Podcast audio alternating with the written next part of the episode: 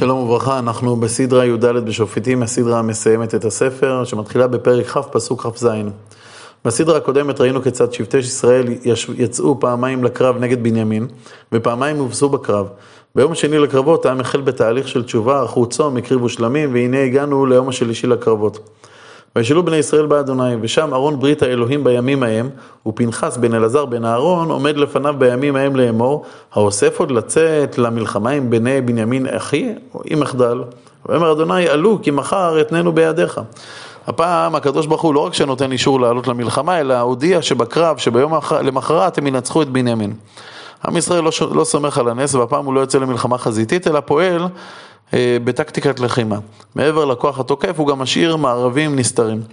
וישם ישראל אורבים אל הגבעה סביב, כעת את סיפור הקרב בקצרה. והעלו בני ישראל אל בני בנימין ביום השלישי וירחו אל, אל הגבעה כפעם בפעם. כלומר הכוח התוקף חזיתית הופעל גם הפעם, כמו בפע, בפעמיים הקודמות. ויצאו בני בנימין לקראת העם ונתקו מן העיר. ויחלו להכות מהעם חללים כפעם בפעם במסילות אשר אחת עולה בית אל ואחת גבעתה בשדה כשלושים איש בישראל. כלומר, הכוח של בנימין תקף והיכה בהם, בדרך שעולה לבית אל ובדרך שיוצאת מהדרך הראשית לכיוון הגבעה, ושלושים איש מישראל נהרגו. ואמרו, בני בנימין ניגפים הם לפנינו כבראשונה.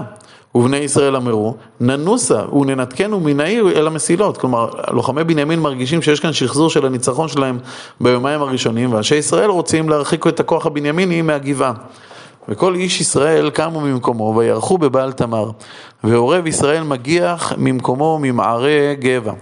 כלומר, היה את הכוח שתקף ישירות, כוח שני היה המערב של עשרת אלפים לוחמים שהיה אמור לכבוש את הגבעה ברגע שהצבא הבנימיני יתרחק ממנה. רוב הצבא התארגן בבעל תמר כנראה מתוך רצון להשחית את שאר ערי בנימין. ויבואו מנגד לגבעה עשרת אלפים איש בחור מכל ישראל והמלחמה כבדה. והם לא ידעו כי נוגעת עליהם הרעה. ויגוף אדוני את בנימין לפני ישראל, וישחיתו בני ישראל בבנימין ביום ההוא 25 אלף ומאה איש. כל אלה שולף חרב. כלומר זו התוצאה הסופית, 25 אלף ומאה לוחמי בנימין נהרגו. כעת יש את סיפור הקרב בפרוטרוט. ויראו בני בנימין כי ניגפו, כלומר בתחילת הקרב בני בנימין רואים שהצבא הישראלי בורח. ויתנו איש ישראל מקום לבנימין כי יבטחו אל העורב אשר שמו אל הגבעה.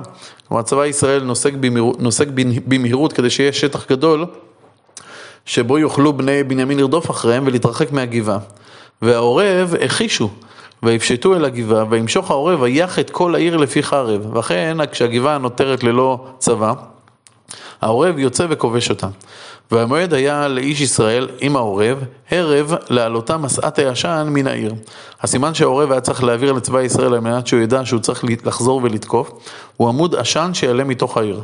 ויהפוך איש ישראל במלחמה, ובנימין החלו להכות חללים באיש ישראל כשלושים איש, כי אמרו, אך נגוף ניגפו לפנינו כמלחמה הראשונה.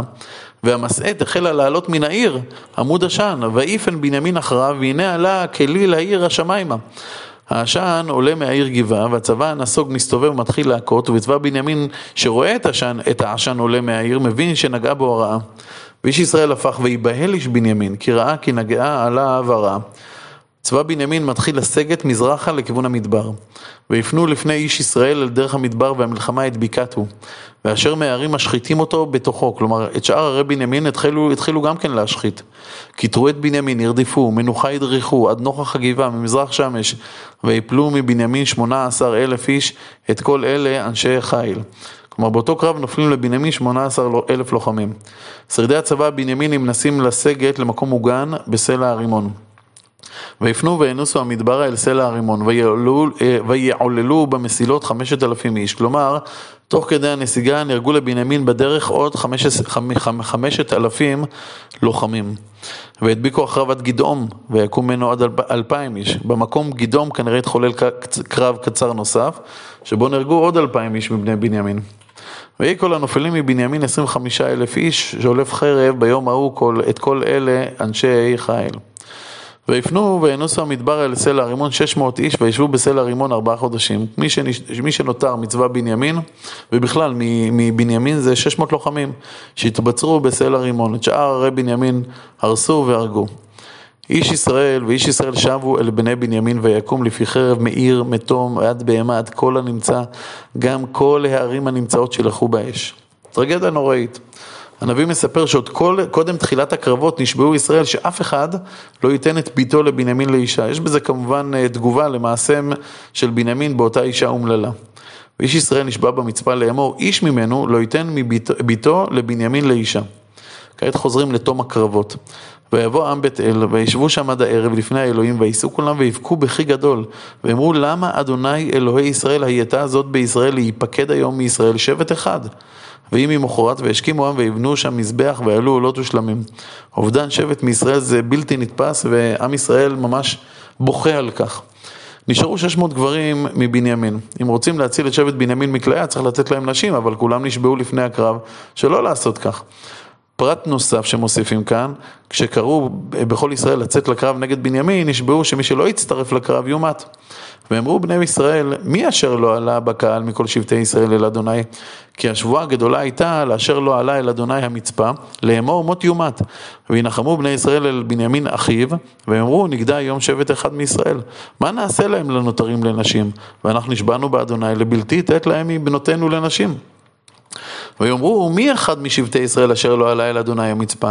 והנה לא בא איש אל המחנה מיבש גלעד, אל הקהל. ויתפקד העם, והנה אין שם איש מיושבי יבש גלעד. הם רוצים לתת לנשים, נשים לבנימין, אבל הם לא יכולים בגלל השבועה. אבל אז מישהו שם ליבו שאין אף אחד מהעיר יבש גלעד שהגיע לקרב נגד בנימין. אז כיוון שהם נשבעו שמי שלא יבוא לקרב יומת, אז הנה לנו פתרון. נהרוג את אנשי יבש גלעד, שהרי הם לא השתתפו במלחמה, וניתן להם את הנשים הבתולות, ש...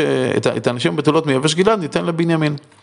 וישלחו שם העדה 12 אלף איש מבני החיל, ויצוו אותם לאמור, לכו והכיתם את יושבי יבש גלעד לפי חרב, ואנשים והטף, וזה הדבר אשר תעשו, כל זכר, וכל אישה יודעת משכב זכר תחרימו. וימצאו מיושבי יבש גלעד ארבע מאות נערה בתולה, אשר לא ידעה איש למשכב זכר, והביאו אותה למחנה שילה אשר בארץ כנען. כעת קוראים לבנימין לשלום, ונותנים להם את ארבע מאות הבנות שנשארו בחיים מיבש גלעד. וישלחו כל העדה, וידברו אל בני בנימין אשר בסלע רימון, ויקראו להם שלום. וישוב בנימין בעת ההיא, ויתנו להם אנשים אשר חיו מנשי יבש גלעד, ולא מצאו להם חן. והעם ניחם לבנימין, כי עשה אדוני פרץ בשבטי ישראל. אז פתרנו את הבעיה של 400 לוחמים בבנימין, אבל יש עוד 200 לנוש, ללא, ללא נשים. ואמרו זקני העדה, מה נעשה לנותרים לנשים, כי נשמדה מבנימין אישה. ואמרו ירושת פלטה לבנימין ולא ימחה שבט מישראל. ואנחנו לא נוכל לתת להם נשים מבנותינו, כי נשבעו בני ישראל לאמור, ארור נותן אישה לבנימין. אז אי אפשר לתת להם נשים בגלל השבועה, את כל נשות בנימין צבא ישראל הרג, אז הנה שוב פתרון. ואמרו הנה חג אדוני בשילה מימים ימין אשר מצפונה לבית אל מזרחה השמש למסילה עולה מבית אל שכמה ומנגב ללבונה. יש חג עממי אה, להשם בשילה אה, ויצוו את בני בנימין לאמור, לכו וערבתם בכרמים. המערב היה זה שהכריע את בנימין. לכו אתם, תכינו מערבים בכרמים, לא לכיבוש ערים, אלא לכיבוש נשים. וראיתם, והנה אם יצאו בנות שילה לחול במחולות, ויצאתם מן הכרמים, וחטפתם לכם איש אשתו מבנות שילה, והלכתם ארץ בנימין. והיה כי יבואו אבותם או אחיהם לריב אלינו, ואמרנו עליהם חנונו אותם, כי לא לקחנו איש אשתו במלחמה, כי לא אתם נתתם להם, כעת יאשמו. כלומר, כשיבואו אנשי שילה להתלונן על חטיפת הבנות, נאמר להם שבאופן הזה הם לא יהיו אשמים בהפרת השבועה שאסרה לתת בנות לבנימין. ויעשו כאן בני בנימין, ויישאו נשים למספרם מן המחוללות אשר גזלו. וילכו וישובו אל נחלתם, ויבנו את הערים וישבו בהם. ויתהלכו משם בני ישראל בעת ההיא איש לשבטו ולמשפחתו. ויצאו משם איש לנחלתו. בימים ההם אין מלך בישראל. איש הישר בעיניו יעשה. סיום ספר שופטים. סיום שבו הבטן מתהפכת. גם הטובים וגם הרעים בסיפור, כולם פועלים בצורה נוראית, מעוותת, אכזרית. הארץ שעיני השם אלוקיך בה קיבלה עם שעושה כישר בעיניו, ועיני השם אלוהיו לא מעניינות אותו. זה נורא. אבל אל ייאוש. מחר אנחנו מתחילים בעזרת השם את ספר שמואל, נפגוש את התיקון הגדול, את השופט הגדול מכולם, נייסד את בית דוד, רוח חדשה תפעם בכולנו. יום טוב.